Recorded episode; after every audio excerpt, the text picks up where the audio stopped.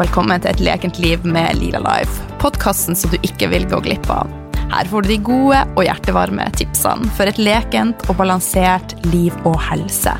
Nye tema hver uke. Hormoner, fordøyelse, matglede, sex, selvtillit, eteriske oljer, stress, stressmestring osv. Ja, hva prater vi egentlig ikke om? Noen ganger så har jeg med meg spennende gjester, og av og til så er det meg. Og hvem er jeg? Jeg er Oline, jeg er næringsterapeut, yogalærer, veileder i eteriske oljer, mamma, livsnyter og har ei brennende interesse for ei naturlig helse. Jeg har vært alvorlig syk i mange år, og nå er jeg 43 år og faktisk mer vital enn noen gang. Livet, det leker lite grann. Mitt mål med denne podkasten er å vise at det er mulig å gjøre en stor forskjell med små endringer, brikke etter brikke, steg for steg. Sharing is caring, og jeg blir så glad om akkurat du tar deg tid til å legge igjen en kommentar på iTunes. Det betyr at budskapet når flere, og gjerne tips en venn, naboen, en partner. Ja, du får lov å tipse faktisk hvem du vil. Et stort smil og en smask ifra Line Lila Life. Av mine hovedmål med podkasten er å dele inspirerende mennesker som jeg vet gjør en forskjell. I dag har jeg fått besøk av en motiverende, engasjert og likende kar. En skikkelig livskunstner som har vært med meg tidligere på podkasten.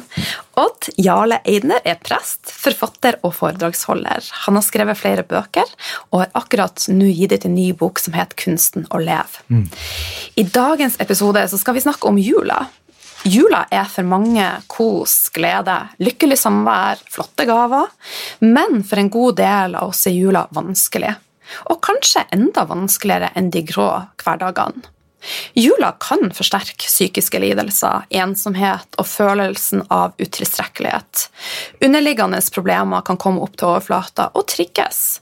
Og for mange er det vanskelig å velge annerledes enn det som faktisk blir forventa.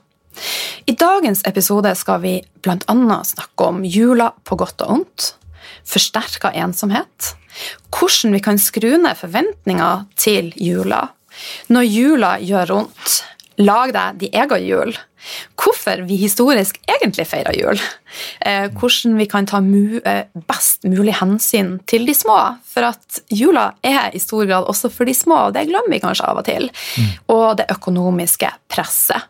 Så et hjertevarmt velkommen, Odd. Det er en stor glede og en ære å ha deg med igjen. Tusen takk. Du, som sist så har jeg lyst til å høre hvordan starta du dagen din. Jeg syns jo det alltid er spennende å høre. Eh, ja, ok. Eh, I dag starta jeg veldig tidlig, kvart på seks. Oi. Spist spiste en kjapp frokost. Skikkelig mm, grov brødskive med hvitost og brunost. Og så pakka jeg sekken og sprang over fjellet. Rønvikfjellet. I dag også? I dag dette også. været? Ja, ja, ja, ja. Det er bare å kle seg godt. Ja. Og så sto sykkelen under ramflåget og venta, og så sykla jeg til Nordlandsbadet, og så var det morgensvømming og boblebad og badstukos. Og, og det, i dag så, så, var det altså tente stearinlys på bassengkanten med pepperkake og kaffe Åh, og fantastisk koselig. stemning. Kan du forestille deg en bedre start på dagen? Nei, egentlig ikke. så eh, altså når det er et sånn skitvær som det er i dag, så må vi kompensere med å gjøre noe koselig inne. Mm. Og sånn sett så var det en god start på dagen. Ja, ja. Og så digger jeg at uh, dette at du sier det samme igjen, for det viser at du har en kontinuitet i det du gjør. Og jeg har prøvd å se det etter sykkelen din når jeg går på Keiservarden, og den står nedfor ramflåget. ja, ok. Ja, du må bare la det stå i ro. du, det er ikke noe fare for det. Ja, Nei, men det er noe med det at uh, hverdagstrim fyller opp uh, helsekontoen. Det er de der daglige gjøremålene uh, som er mye bedre enn sånn skippertaksmentalitet. I love it. Ikke sant? Ja. men du, når jeg tok kontakt med deg igjen og, og spurte om du ville være med, så sa du ja. Mm. Eh, og da kom du, kom du, med et ønsketema, og det var jula. Mm. Og det var nesten litt sånn telepatisk, for det var det jeg hadde tenkt at vi skulle snakke om. Ja. Så hvorfor ønska du å snakke om jula, Odd? For det er jo den mest fantastiske og den vanskeligste høytida av eh, alle. Eh, Julegleden kan bli veldig stor, og julesorgen kan bli like stor på den andre sida. Og, det er jo noe vi alle må forholde oss til, jula. eh, På godt og vondt. Så Derfor så syns jeg det er flott å kunne bruke en podkast til akkurat det temaet. Ja. Hvordan er ditt forhold til jula? Jo, det er fantastisk og utrolig vanskelig. Begge delene. Jeg Ja. har opplevd eh, både julegleden og julesorgen. Altså, det starta jo i barndommen med store forventninger, og jeg vokste opp i en, eh, på en liten plass, og vi hadde ikke butikk engang. Så høydepunktet i desember det var jo å dra på julehandel til Skuttvik. Det var et sånt handelssted. Jeg husker Skuttvik. Ja, du gjorde det, ok. Ja. og det var jo liksom en by med masse butikker, og, så det å gå på julegaveshopping, det var utrolig spennende. Og så bygde det seg jo opp gradvis til julaften, med, med åpning av gaver, og det var, ja, det var en magisk eh, jul. Helt til man kom i tenårene. Da forsvant Da sprakk den der julemagien som ei såpeboble. Og så oppdaga vi at eh, det var jo bare vanlige ting som var pakka inn i fint julegavepapir, og julenissen fantes ikke. Og Er vi sikre på det? La oss nå tro det. ja, det var det, ja. ja, nei, men det det skjer noe når man kommer i tenårene. Og, og så er jo målet når man da blir foreldre, altså gjenskape den samme julemagien til, til ungene. Sånn at de får lov til å ha forventninger til jul sjøl. Og oppleve den der barndommens eh, magiske jul. Hvordan feirer du jula di nå? Altså sånn, Beskriv vanlig julefeiring for Odd og familie. Ja, det er jo noen som, eh, som stadig spør ja, skal dere være hjemme i jula. Ja, du skjønner, jeg er prest, så det betyr litt jobbing. Ja. Men uh, jula er veldig fin eh, tid å, være på jobb, altså. Eh, julaften er vel den dagen i året med, med flest besøkende i kirka. Og, eh, og det syns jeg er utrolig flott å kunne være med og skape litt ekte julestemning. Eh, Selv om at mange kommer kanskje den ene gangen, så syns jeg det er utrolig flott. Uh, Istedenfor å kjefte på dem og si 'Å ja, hvorfor kommer dere ikke ellers?' Eller uh, som det sto i en reklameplakat, uh, 'Unngå julerushet, gå i kirka hele året'. men, men det er noe med det å ja, eh, komme i kirka og få høre eh, den gamle fortellinga om, eh, om jula, den første jula, og synge de kjente og kjære julesangene. Altså, det, for mange så må det til for å komme i julestemning. Men hva betyr jula for deg? Sånn Sånn i, i, i større perspektiv så betyr det for meg at eh, Vår Herre sjøl kom til vår eh, lille verden eh, som et sårbart, lite menneskebarn. Og han eh, valgte ikke den enkleste veien. Eh, Han kunne jo ha blitt født på et eh, slott, ikke sant, og, og levd en, en isolert og, og luksuriøs eh, barndom. Men, men han ble født i en fjøs og, og måtte flykte eller foreldrene måtte ta med på flukt bare noen dager etter fødselen for å unnslippe den, eh, den grusomme kong Herodes. Og så eh, etter hvert så vokste han opp i et snekkerverksted i Nasaret. Og, og eh, hele livet hans det bar jo preg av at han eh, hadde mest sans for de små i samfunnet og de utstøtte, og var på lag med dem.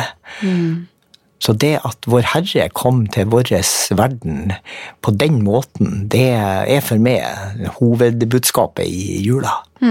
Takk for at du deler det, da. Ja, ja det syns jeg er veldig meningsfullt. Ja. Ja. Vi har allerede vært innom det, men jula er for mange på godt og ondt, og det er ofte ei familietid som romantiseres, og forventningene hos mange skrus skyhøyt. Nesten så høyt kanskje at slaget for mange er tapt. Eh, så som jeg også nevnte, så er det også tida på året hvor nødtelefonene og hjelpeinstansene har størst trafikk. Opplever du som prest noen endringer? Er det større pågang? Er arbeidsdagen din i denne tida annerledes enn ellers? For meg så er det ikke så veldig stor forskjell, annet enn at det er jo mange arrangement eh, i desember. Ja. Mange juleavslutninger, og da skal de gjerne ha noen, noen gode ord på veien. og Eh, og det syns jeg er veldig fint. Eh, og så har jeg jo en del samtaler med mennesker som, som syns eh, jula er en vanskelig tid, og de gruer seg til jul. Og det kan jeg jo kjenne igjen ifra mitt eget liv. For det, det året vi mista sønnen vår, og det er nå 20 år siden, da, da husker jeg at bare synet av den første julestjerna i slutten av november mm. gjorde at jeg fikk vondt i magen. Og jeg bare kjente i hele meg at det grua meg veldig til jul. Og eh, når jeg gikk rundt i butikkene eller byen og så på all reklamen og den her eh, glamorøse julefeiringa, den, eh, den fikk jeg avsmak for. Ehm, for da, da, kjente jeg mest på julesorgen. Mm. Det var mye sterkere enn julegleden.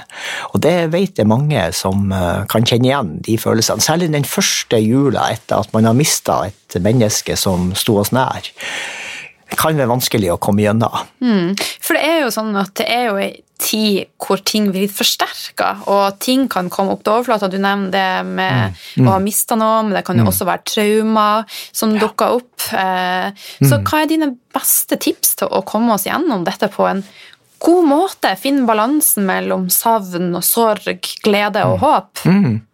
Ja, Da bruker jeg to bilder. Det ene det er et forstørrelsesglass. For at jula er jo som et forstørrelsesglass.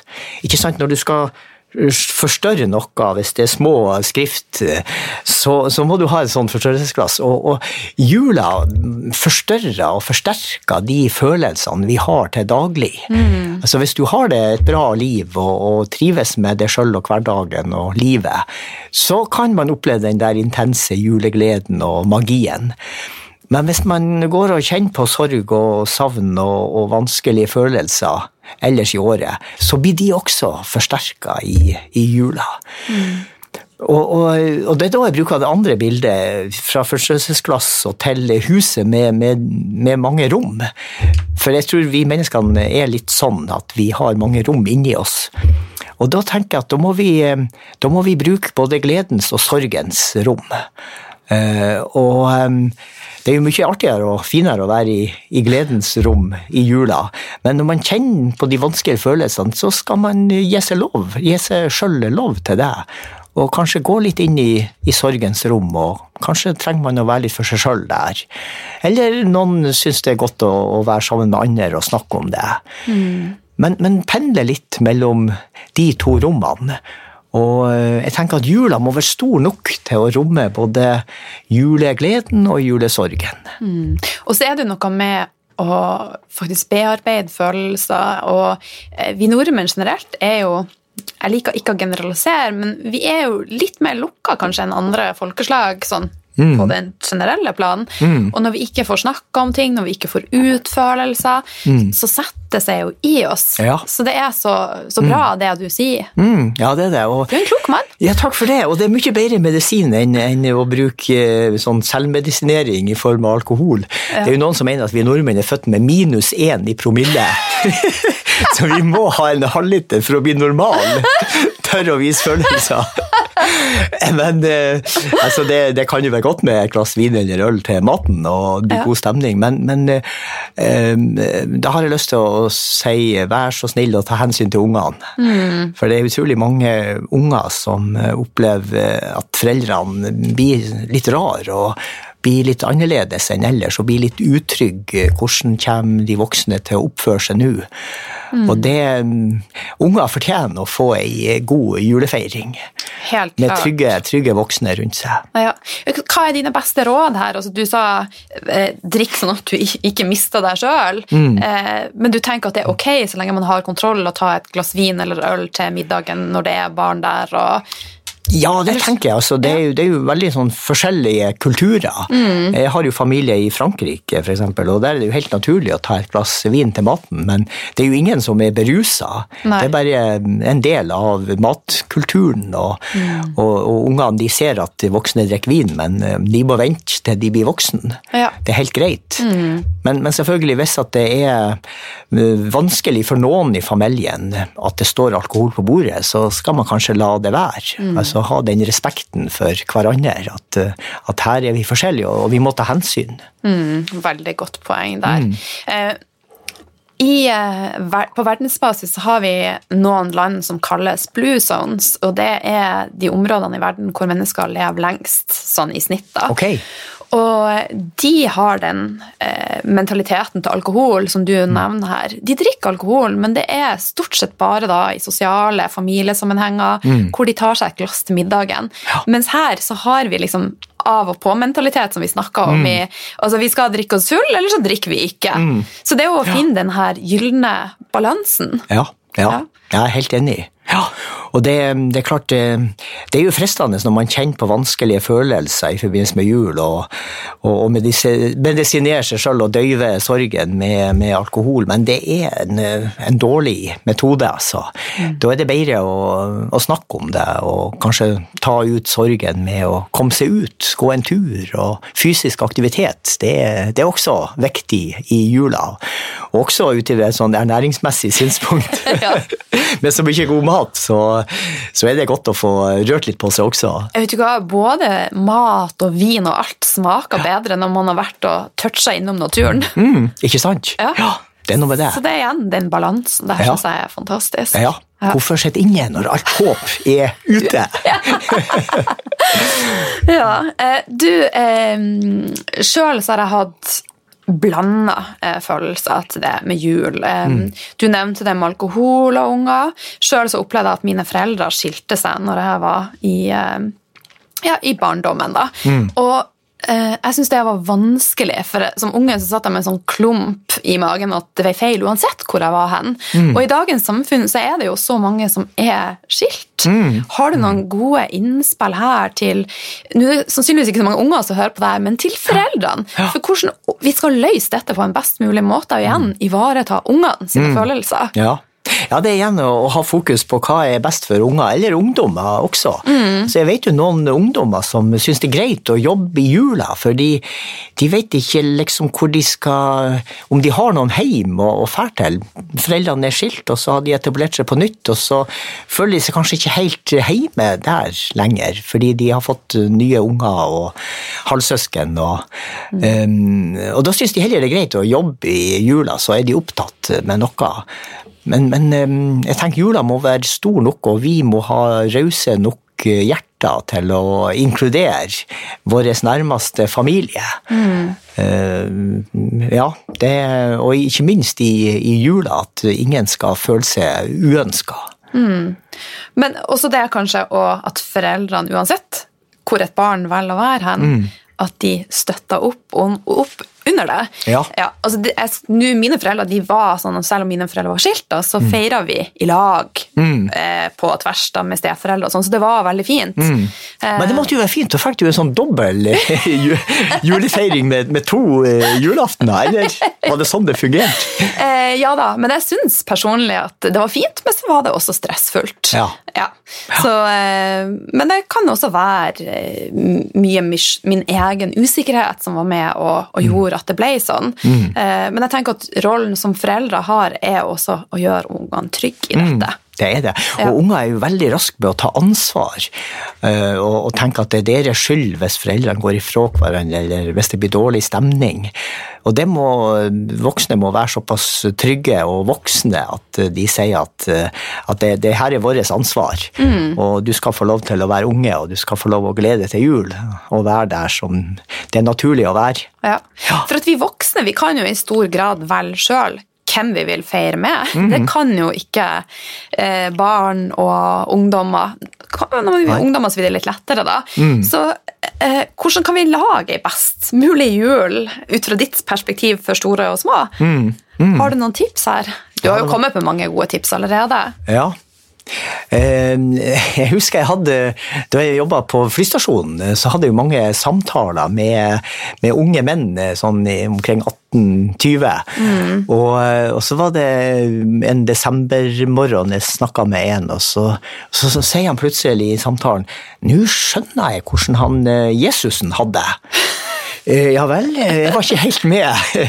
Jo, eh, for at han, han, han var jo ikke ønska, verken han Josef eller Maria. Å ja, da skjønte jeg koblinga. Ja, føler du det også uønska? Ja, ja, men, men sier jeg, ble ikke foreldrene glad når, når du var, kom til? Jo, men de angra det etterpå, sier han. Åh, Det var utrolig sterkt, altså. åh. Ja, og så at han liksom kobla til eh, juleevangeliet. At mm. han eh, som kom eh, julenatt, han var jo heller ikke ønska av de som ble foreldrene hans, men eh, de tok nå godt vare på han likevel. Og det må alle foreldrene gjøre også. At de ungene som vi setter til verden, de må vi også ta godt vare på. Og kanskje særlig i jula. Eh, Jeg opplever også jula på mange måter som en kjøpskarusell. Altså det er et enormt kjøpepress. Og allerede i oktober så begynner det å kjøpe det her og kjøpe det her og lage den fantastiske julekalenderen. Og igjen, forventningene er så store, og det skal handles inn mat i ja, enorme mengder. Hva er dine tanker og ditt forhold til dette? Nei, Jeg blir også provosert ut av all den der eh, reklamen om alt som må til for at det skal bli ei vellykket jul. Jeg tenker Hver enkelt familie må jo bestemme sjøl hvordan de vil feire jul. Og, og det kan jo være et tema at, eh, at man kan snakke om i familien. Hva, hva, hva må til for at det skal bli ei bra jul for oss i år? Um, og, og eh, altså jeg ser jo at eh, når man går på kirkegården, og eh, mange tar jo et besøk på kirkegården på julaften, tenner lys på graven til de nærmeste, og eh, i skinnet fra ei gravlykt, da ser man kanskje tydeligere hva som er viktig, og hva som slett ikke er viktig i jula. Altså om eh, ribba har sprøstrekt svor, eller Det er jo det som avgjør jula, er det ikke ja, ikke sant? Men eh, i eh, et blafrende uh, stearinlysskinn på ved ei grav, så blir det kanskje ikke så viktig. Eller om juletreet er akkurat eh, 100% loddrett, eller står litt på skeive. Det er kanskje andre ting som er viktigere. Det er at vi må ta vare på hverandre mens vi ennå har hverandre. Og, og, og være i lag og gi hverandre gode opplevelser.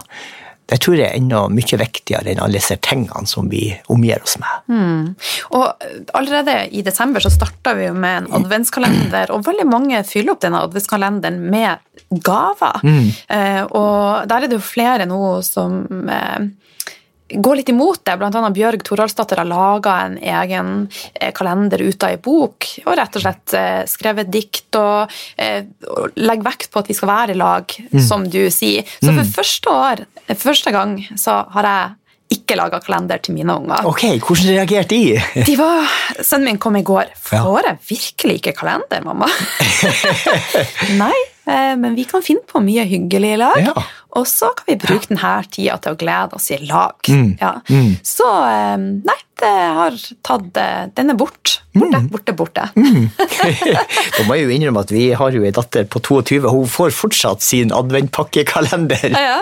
Men det er noe med det, den der gleden ved å pakke inn de tingene som egentlig er ting som hun trenger Mm. i hverdagen. Um, som, men ikke sant, her må hver enkelt finne sin, det som blir rett for, for oss. Ja. Men det som jeg opplevde gjennom eh, mange år eh, Nå er kanskje dattera di litt eldre enn mine, da. Det er den sammenligninga som vi gjør av alle andre. På Instagram og Snap så er det første man gjør om morgenen, da, det er å se hva alle andre har fått. Ja, ja. Og så vi det som man da gir til sine Jeg opplever at det veier bare feil. Sånn at da får de kjenne litt på hvordan det er å ikke få noe, så får vi se. Kanskje Ja. det tas opp på et Nå hørtes jeg veldig streng ut. Ja, men det, det der synes jeg var et veldig flott eh, tiltak, og så kan det jo hende at du må stå skolerett senere.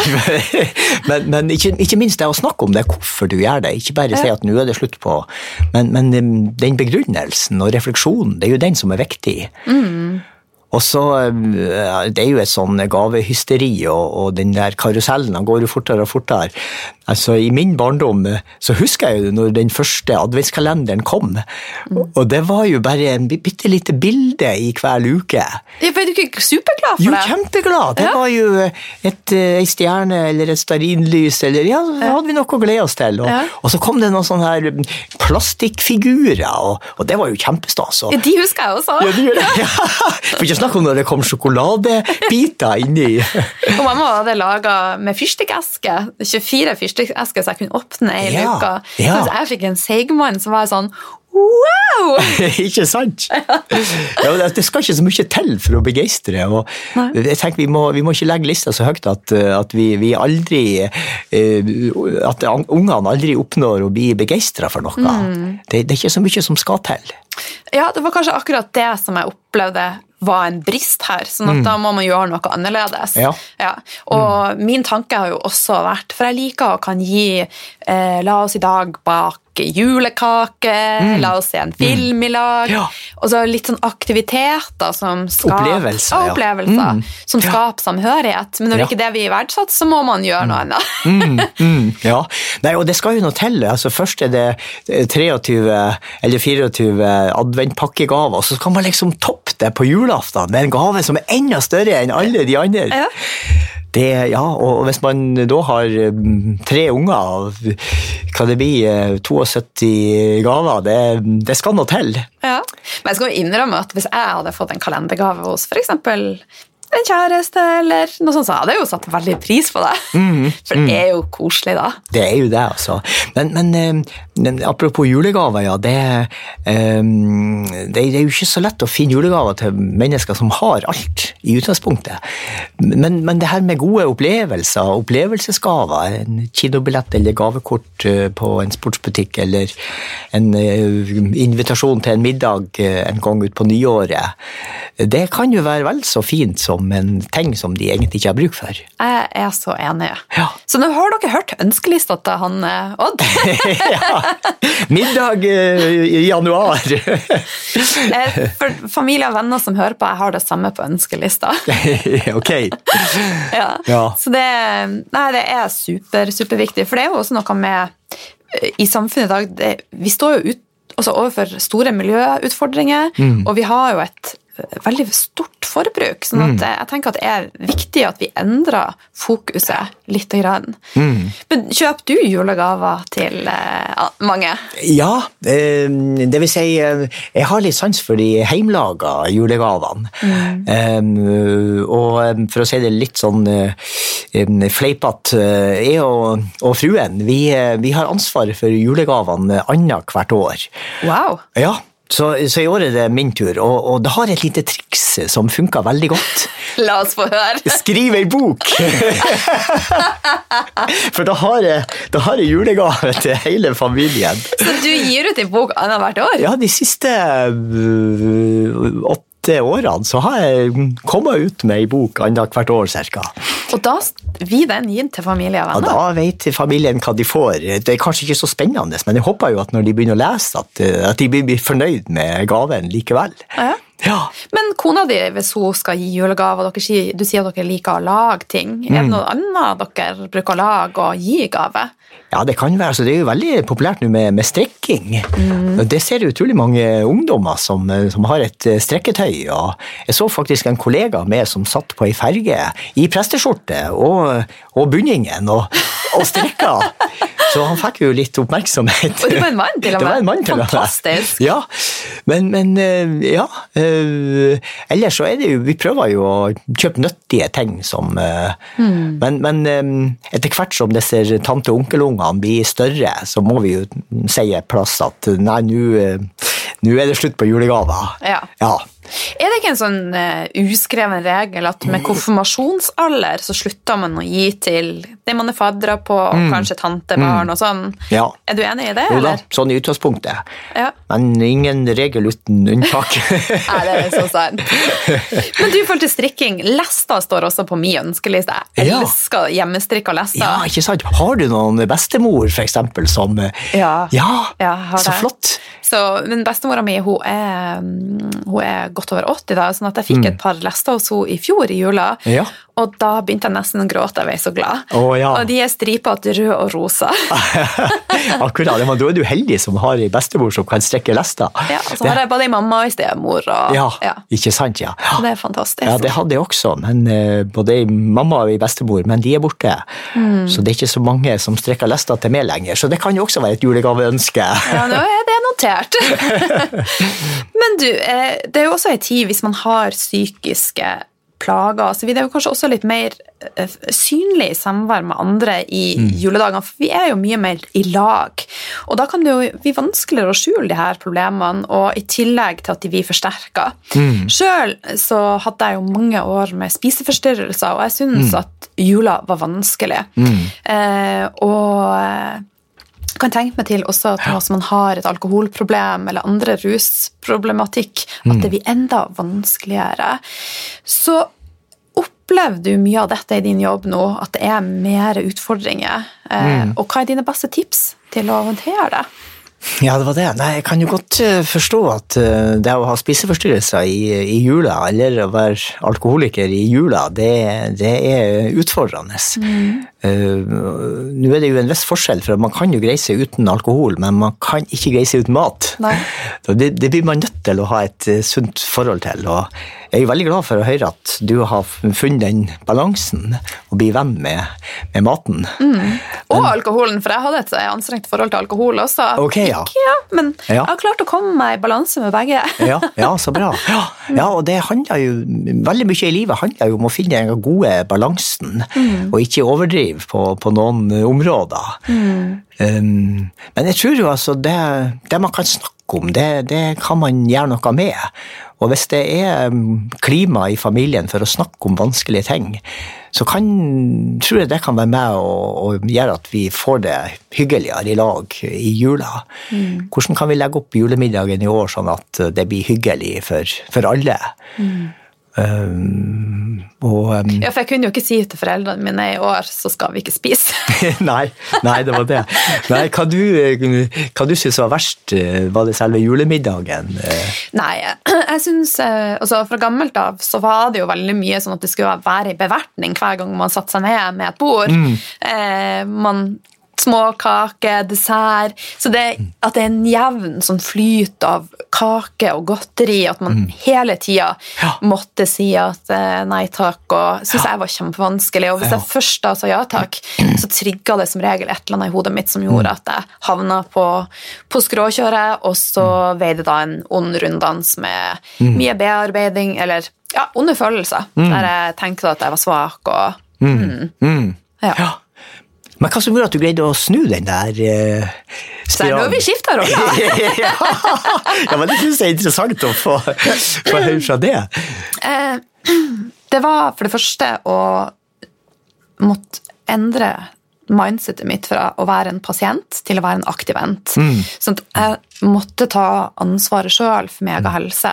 Og jeg innså at jeg måtte gjøre jobben. Det var ingen andre som kunne ta det ansvaret.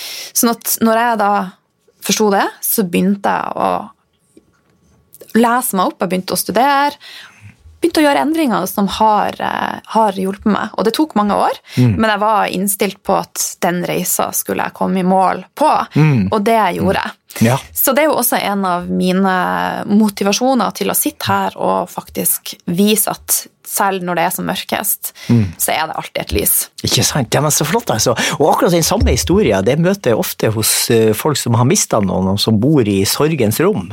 At det, det kommer et punkt der de skjønner at eh, de, de må gå ut av den offerrollen. Der de syns synd på seg sjøl og tenker at nå er livet slutt. Og så til å bli um, prosjektleder i eget liv og ta tak sjøl. For det er de som sitter med løsninger til hvordan de kan greie å, å gå videre. Og det er, jo, ja, det er jo akkurat det jeg, jeg prøver å skrive om i den siste boka, som heter så fint 'Kunsten å leve med sorgen som bakteppe'. Mm. For at den sorgen og de vanskelige følelsene, de tar vi alltid med oss. Ja. Men, men den her kongelige kunst å leve, den, den er det veldig mange som er gode på. Mm. Og det er liksom ikke enten eller, enten glede eller sorg, men det er begge delene samtidig. Ja. ja. Det er som en, egentlig som en fin dans, der vi bare skifter litt eh, tempo ja. og takt og Ja.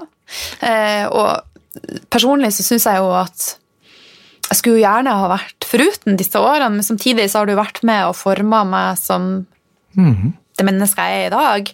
Og det tenker jeg jo også sorg er med og Det er jo med å forme oss som mennesker, og mm. jeg bruker mm. å si at alt som ikke ja, tar oss ned, det gjør oss sterkere. Det er sant. Alt hva man ikke dør av, det mm. kan man vokse på. Mm. Ja.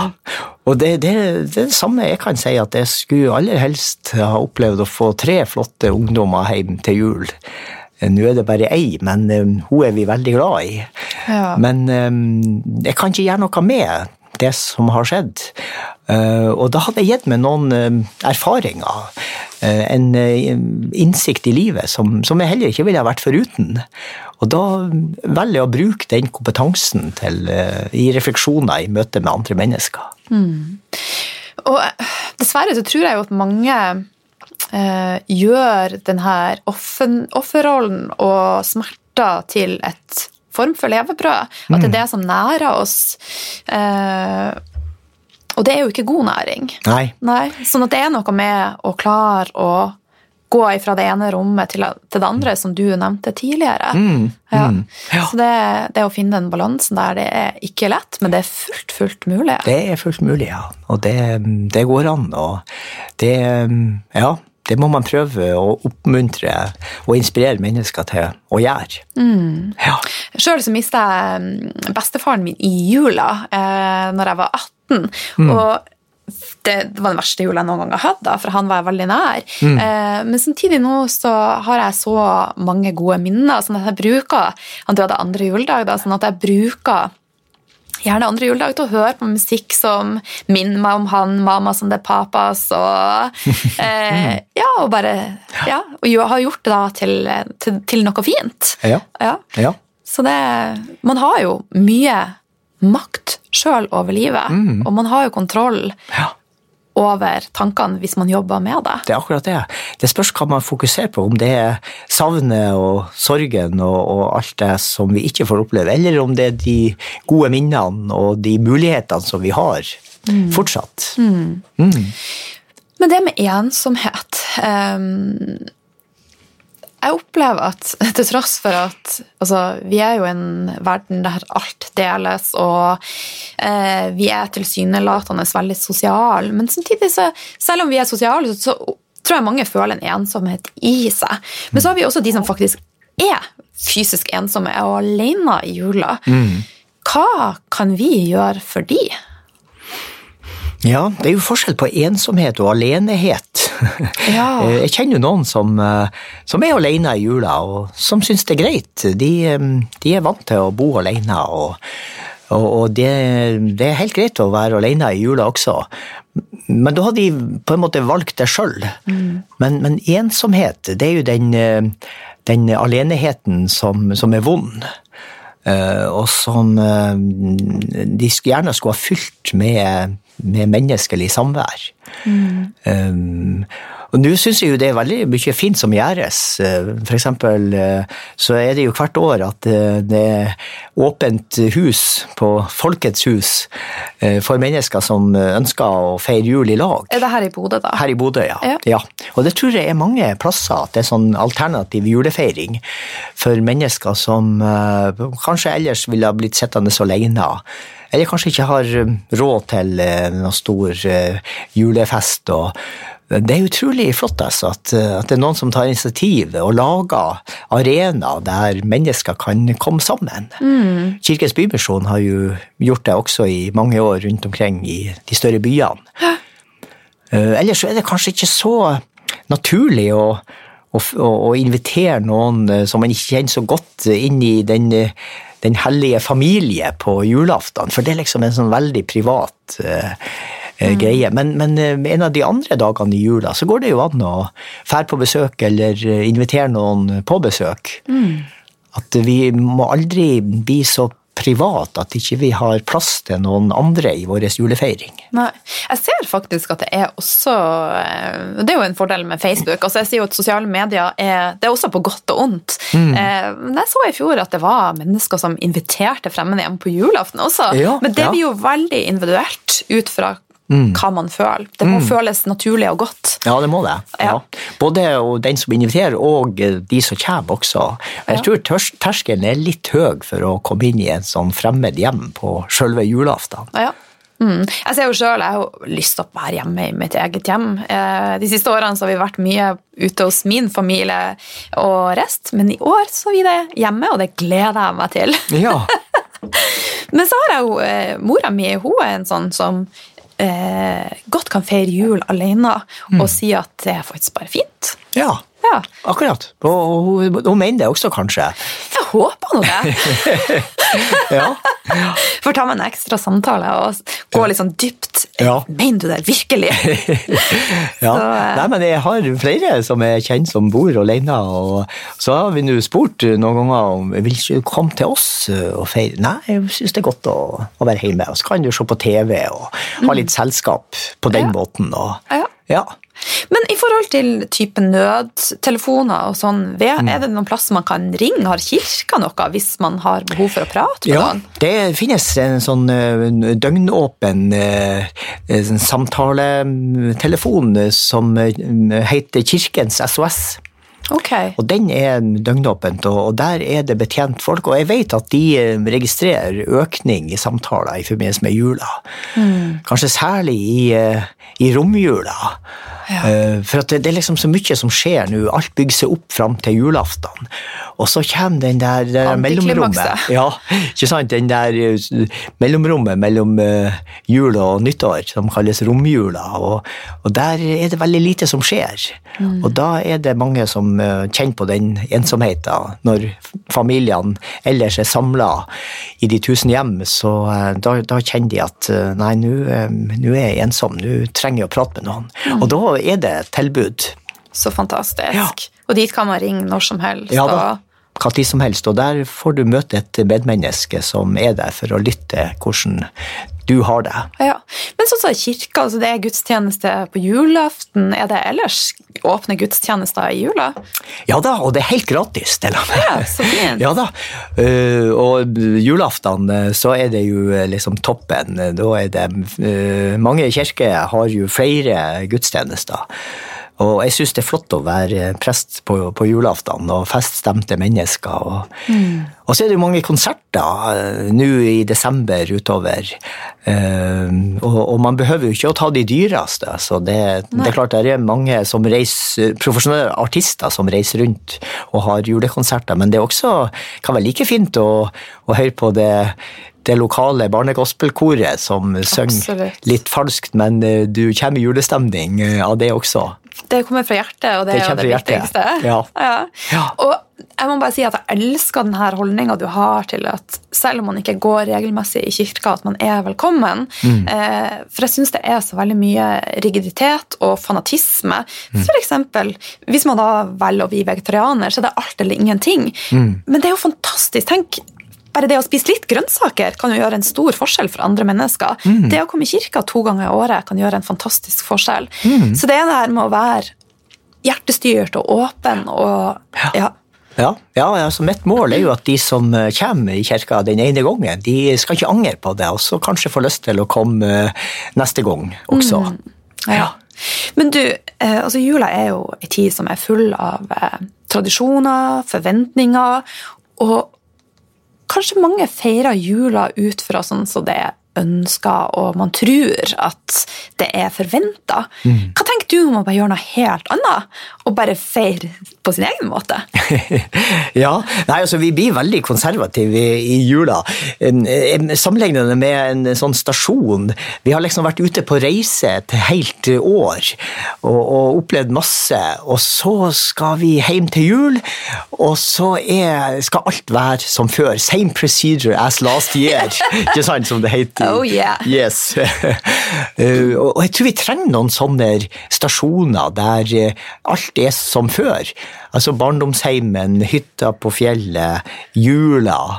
Noen sånne faste stasjoner i livet. Mm. som man kan komme tilbake til og kjenne at ja, nå er jeg kommet hjem igjen. Mm. For mange så tror jeg jula er sånn, og, og, derfor så opplever vi jo i kirka, når vi forandrer på noen av de julesalmene eller liturgien i gudstjenester, så, så blir det jo ramaskrik, for de kjennes ikke igjen, sånn som det var for 30 år siden. Så det gjelder jo å finne en balanse mellom, mellom det og, og gjøre ting sånn som vi alltid har gjort, og så samtidig tørre å tenke noen nye tanker. Mm. For jeg tenker at Hvis man ikke har det bra med å feire mm. sånn som det tradisjonelt har blitt feira ja. Hvis man sitter med mye onde følelser, mm. så er jo mitt tips å gjøre noe annerledes. Da, da tenker jeg tradisjoner får være tradisjoner. Mm. Hvis du forbinder jula med noe traumatisk, mm. ja, vi må jobbe oss gjennom det, men kanskje da å reise til en annen plass en gang og bare bryte opp og gjøre noe helt annet. Mm. Og la krav være krav og forventninger være forventninger. Ja, det er helt klart, og, og kanskje særlig de som har mista noen det siste året og kjenner veldig på julesorgen. Mm. Da, har de, da, har de, to alternativer. Det ene, altså vi kaller det på fint for fight or flight. Altså, eh, skal vi fight, ta opp kampen med de vanskelige følelsene, bli værende, feire jul så godt som mulig, akkurat sånn som vi har gjort før, og gjøre de samme tingene, og så kjenne bare på hvor vondt det er å stå i det. Mm. Eller skal vi flight, fly av gårde, reise til Syden, hoppe over jula og håpe at det går over, og så komme tilbake over nyttår? Mm. Vi gjør noe helt annet. Ja. Altså, her er det ikke noe fasitsvar på hva som er rett. Jeg kjenner familier som gjør begge delene. Mm. Og det ene er like rett som, som det andre. Ja. Men, men vi, har et, vi, har et, valg, som du sier. Og, og, ja, så må hver enkelt finne ut hva blir rett for oss å gjøre i år. Mm. Men du skal ut og fly neste uke. Vil du fortelle litt om det, eller er det et hemmelig prosjekt? Nei det er ikke hemmelig. Ja, Det blir veldig spennende. Altså. Jeg skal faktisk eh, til et lite land eh, som heter Bangladesh. Det er jo et av de fattigste land. Um, jeg skal sammen med noen gode venner på en studiereise for å, å se hvordan eh, Norges KFUK støtter fattige kvinner i å lage sine egne arbeidsplasser, så de kan tjene penger til livets brød. Uh, og De produserer bl.a. sånn lakenposer av silke. Mm. Sånn som vi har når vi drar på turistforeningshytte i fjellet. Ja. slipper vi å ta med dyne, men, men lakenpose. Uh, så bare vi trer dyna inni. Fantastisk. Ja, så det, og da tenker jeg, da får jeg nok noen perspektiver på julefeiring også. Mm. Spennende. Veldig spennende. Skal, I 2020 så skal jeg kanskje til enten Kenya eller Nepal, og da er det litt det samme.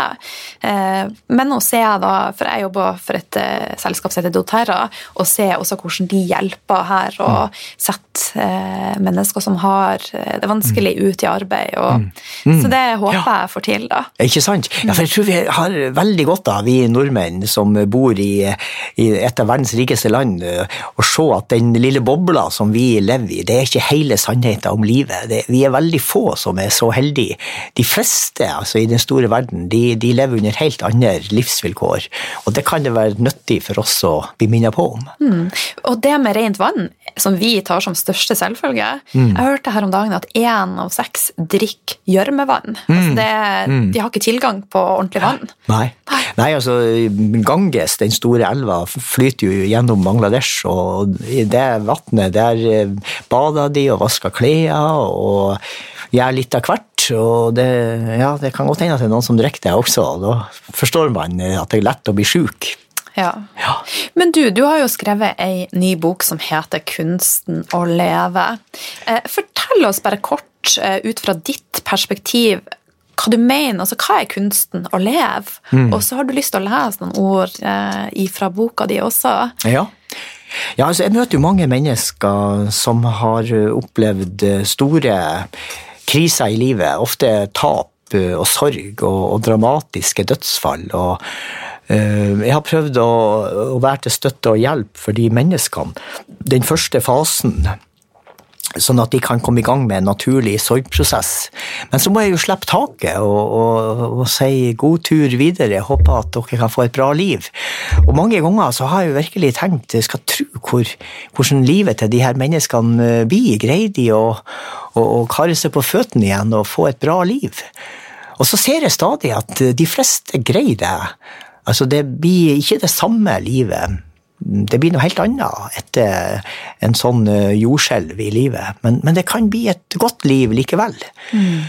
Og det er jo da jeg blir forsterka i min overbevisning om at vi menneskene vi er, vi er, skapt for å overleve. Vi greier mye mer enn vi tror. Og de fleste lærer seg denne kunsten å leve med sorgen og, og de vanskelige følelsene i bagasjen. Mm. Så det er liksom eh, det boka handler om. Men I stedet for å skrive ei fagbok om det å vokse på ei krise, så velger jeg å bruke fortellingas eh, form.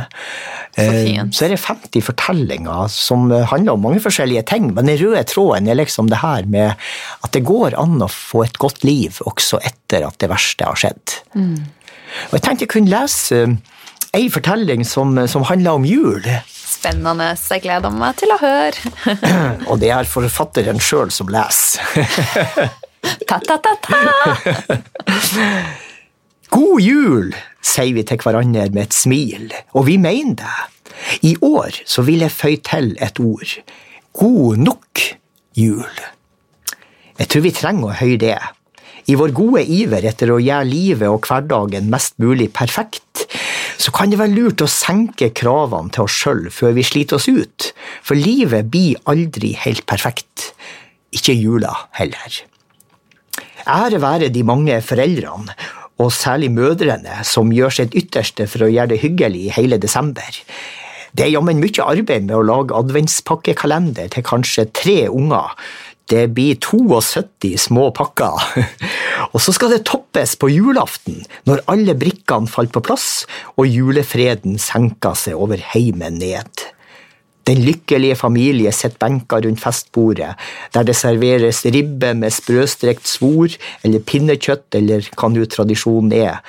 Under juletreet ligger en stor haug med julegaver, og ut av høyttalerne strømmer det søt julemusikk.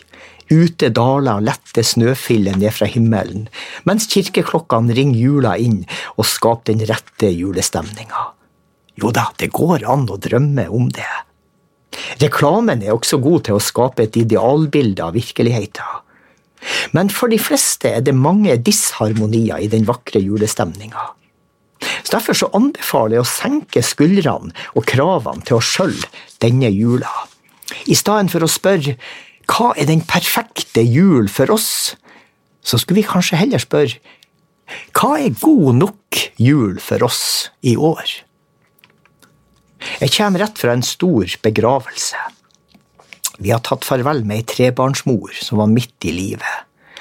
Det er en uh, flott familie med et stort nettverk av familie og venner rundt seg, og jeg er sikker på at de greier seg godt videre. Men ingen kan ta fra dem sorgen og smerten som de føler på. Den må de orke å leve med lenge. Nå handler det om å komme gjennom den første jula. Da har de to muligheter. Fight or flight. Skal de prøve å opprettholde de samme juletradisjonene som før? Ta kampen opp med de vanskelige følelsene og bli hjemme? Eller skal de flykte vekk, prøve å hoppe over jula, reise langt vekk og komme tilbake over nyttår? Uansett hva de velger, så føles det helt meningsløst for meg å ønske dem god jul som om ingenting har skjedd. Men det kjennes ok å si til dem god nok jul. Jeg tror vi har mye å lære av den aller første jula. Det var langt fra noen perfekt julefeiring etter vår målestokk. En smertefull barnefødsel i fremmede og fattigslige omgivelser. Ingen sprøstekt ribbe eller annen kostbar julemat. Det var langt fra julefred for bare noen dager etter fødselen måtte unge foreldreparet flykte til nabolandet. Vår Herre la lista lavt for seinere julefeiringer. Men den første jula ble god nok, for den rommer det aller viktigste. I dag er det født her en frelser. Gaver fikk de nybakte foreldrene også, kostelige gaver som røpa hvilket oppdrag det lille barnet ble født til. Gull, røkelse og myrra. Det var en kongesønn verdig. Men i praksis trives Vår Herre best blant småkorsfolk. Det viste han den første jula. Det lukta fjøs og jord og ekte liv av juleevangeliet. Jeg ønsker at vi skal la det få prege vår julefeiring. Derfor ønsker jeg meg ei slitesterk jul som tåler livet sånn som det er, på godt og ondt. Som gir rom for både julesorgen og julegleden. Jeg vil heller fokusere på det ekte enn på det perfekte. Da er vi medmennesker, og det er det vi trenger, ikke minst i jula. Åh, god nok jul. God nok jul, Line. Fantastisk eh, skrevet. Så tusen takk for at eh, du delte. Um, veldig, veldig fint. Helt på tampen, Odd, er det noe du vil tilføye som vi har glemt? Uh, så du tenker jeg har verdi til lytterne? Jeg syns det er veldig fint å um, reflektere litt over det her, uh, hvordan vi feirer jul. Kanskje denne podkasten kunne være en inspirasjon til, uh, til uh, de tusen hjem som nå har masse forventninger til jul. At, vi, at man kan sette seg ned og snakke litt. Sånn som er antyda i teksten her. Hva er god nok jul for oss i år? Mm veldig klokt. Det skal jeg ta opp i familien min, faktisk. Ja. Ja. og eh, jeg hører jo mye podkaster sjøl, og eh, en av mine favoritter hun praktiserer det som heter CCC. Og det kaller hun for Crystal Clear Communication. Mm. Så det er så viktig at vi kommuniserer, og i etter denne podkasten så er vi nødt til å sette oss ned, CCC, god nok jul. Er du enig, Odd? Helt enig. Det var en god oppsummering. god nok jul. Yes. Tusen takk for at du var med, Odd. Ei stor glede igjen. Takk. I like måte, Line. Ja.